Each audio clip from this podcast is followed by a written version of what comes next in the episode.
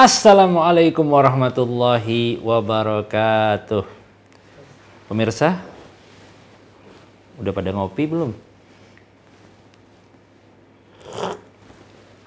Waduh, seruputan yang mantap.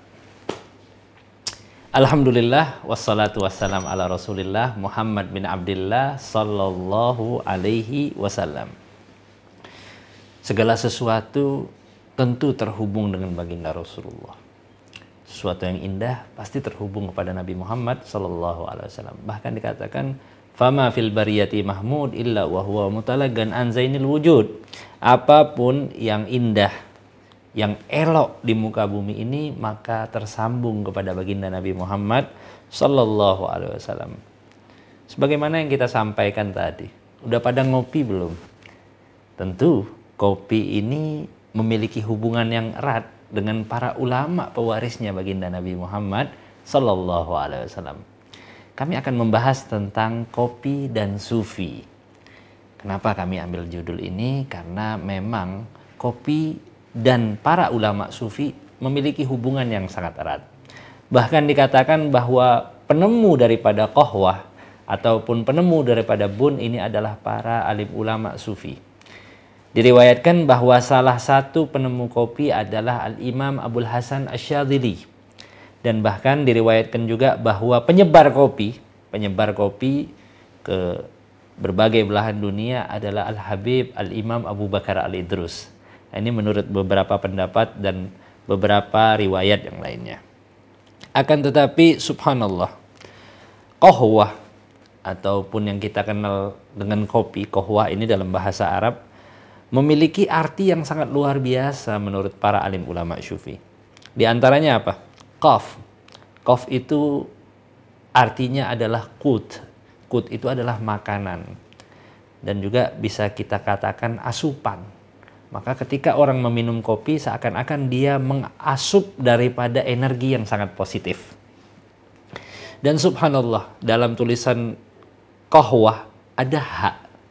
Hak ini merupakan huda, petunjuk. Orang yang minum kopi biasanya pikirannya jernih. Makanya kopi ini bisa dikatakan sebagai wasilah ataupun perantara terhadap petunjuk yang jernih. Kemudian wow. Wow ini dikatakan dari kalimat wood yaitu cinta. Tentu seseorang ketika meminum kopi dia memiliki cita rasa cinta yang tinggi. Seseorang yang sering ngopi pastinya dia punya cinta yang sangat luar biasa. Kemudian hak Hak ini diambil dari kata hiam, pengusir kantuk. Kenapa para sufi menyukai daripada kopi? Tentunya mereka ingin beribadah dan bermunajat kepada Allah Subhanahu wa taala di waktu malam dan mengusir daripada kantuk mereka. Dan subhanallah, subhanallah, ada juga yang mengartikan terhadap alif di situ. Apa artinya alif di dalam kohwah? Kohwah ada alifnya subhanallah dikatakan bahwa alifnya artinya adalah ulfah, yaitu keakraban. Kita lihat orang-orang kalau minum kopi itu pasti deket ya. Pasti seakan-akan asyik gitu lagi minum kopi, mengungkapkan kadang-kadang cerita dan lain sebagainya. Nah inilah kenapa para alim ulama sufi sangat menyukai kopi. Karena orang-orang yang meminum kopi mereka pasti memiliki ulfah, keakraban yang sangat luar biasa. Bahkan dikatakan juga bahwa sesudahnya itu ada alif lam kemudian uh, bun. Al bun al bun jadi tadi ada alif lam kemudian lamnya ini apa? Kohwatul bun. Lamnya ini apa? Lamnya itu berarti lutuf belas kasih dari Allah Subhanahu wa taala. Jalla jalaluhu wa taala fiulah kemudian ba dan nun. Ba ini artinya basat kelapangan. Kahwatul bun, baknya itu artinya basat kelapangan. Orang biasanya kalau minum kopi, subhanallah lagi negosiasi, lancar. Jadi negosiasinya, transaksinya dan lain sebagainya. Dan yang terakhir yang sangat luar biasa adalah nun yaitu nur, cahaya. Orang yang minum kopi biasanya wajahnya bercahaya. Jangan sampai kopi membuat muram mukanya. Atau lagi sampai membuat geseng ya mukanya, jangan sampai. Mudah-mudahan kopi yang kita minum membuat kita makin bercahaya dan membuat kita makin dekat untuk beribadah kepada Allah Subhanahu wa taala jalla jalaluhu wa taala fi'ulah. Kemudian Kohwah ini merupakan wasilah yang sangat luar biasa bagi seseorang ketika ia sedang ingin beribadah kepada Allah Subhanahu wa taala. Dan uh, Al-Imam Asy-Syaikh Ibn Hajar mengatakan bahwa thumma alam ayyuhal qalbul makrub anna hadhihi al-kahwah qad ja'alaha ahlus safa majlabatan lil asrar mudhibatan lil akdar. Dan ketahuilah bahwa sesungguhnya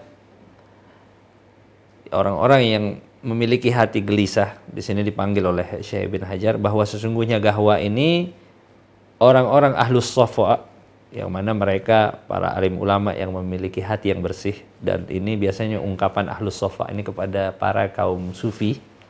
Telah menjadikan kopi ini sebagai pengundang akan datangnya rahasianya Allah Subhanahu wa taala. Dan penghapus daripada kesusahan. Wa qad ikhtulifa fi hilliha aula. Dan telah khilaf para alim ulama ini antara halal atau tidaknya wahasil marajjahu ibn hajar fi syarih al-ubab ba'da an dzakara annaha hudithat fi awalil qarn al-ashir anna lil wasail hukmul magasin famahma tubikhat lil khair kanat minhu wa bil akas fafhamil asal nah, maka di sini uh, Syekh bin Hajar mengungkapkan bahwa ada salah satu kaidah yang disebutkan bahwa annalil wasail hukmal magasid bagi setiap perantara karena kopi ini sekedar perantara baginya hukum tujuannya. Sekarang ini kopi ini diminum tujuannya untuk apa? Jika dipakai untuk kebaikan maka hasilnya bah baik. Jika dipakai untuk tidak baik maka tidak tidak baik. Nah, maka pentingnya bagi kita untuk yang mau ngopi adalah kita ngopi dengan niat-niat yang baik.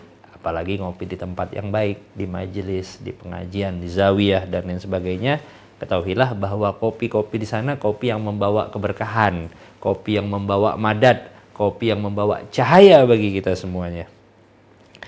Bahkan uh, disebutkan dalam satu syair, ya gahwah tudhibu hammal fata. Wahai kahwah, wahai kopi yang mana penghilang daripada kesusahan para pemuda anta lihawil ilmi nikmal murad.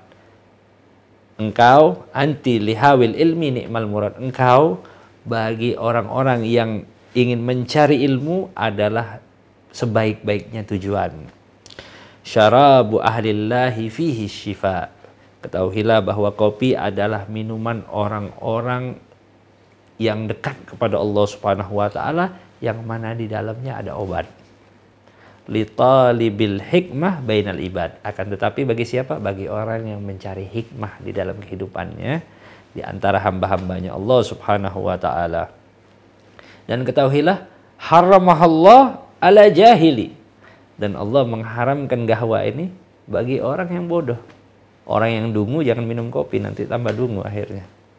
Ya gulu bihurmatiha bil inadi yang mana dia berkata dengan keharamannya dengan dengan dengan ekstrim mengatakan bahwa kopi ini haram.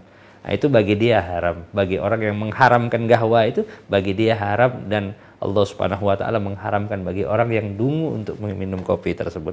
Ketahuilah apa pun yang diciptakan oleh Allah Subhanahu wa taala di atas muka bumi ini adalah nikmat dan bagaimana kita mengapresiasi daripada setiap anugerah yang diberikan oleh Allah Subhanahu wa taala. Dan ketahuilah ya ikhwan, ada ijazah yang sangat luar biasa dari salah seorang ulama yaitu Al-Imam Abdullah bin Alwi Al-Haddad ketika seseorang mau meminum kopi apa aja amalannya. Nah, Imam Haddad memberikan amalan di antaranya di pagi hari kalau kita nyeduh kopi pagi hari jangan lupa untuk baca Fatihah sama ayat kursi. Baca Fatihah, ayat kursi, baru minum kopi. Kemudian kalau udah masuk siang hari ini, siang hari masih pengen ngopi, boleh nggak? Boleh.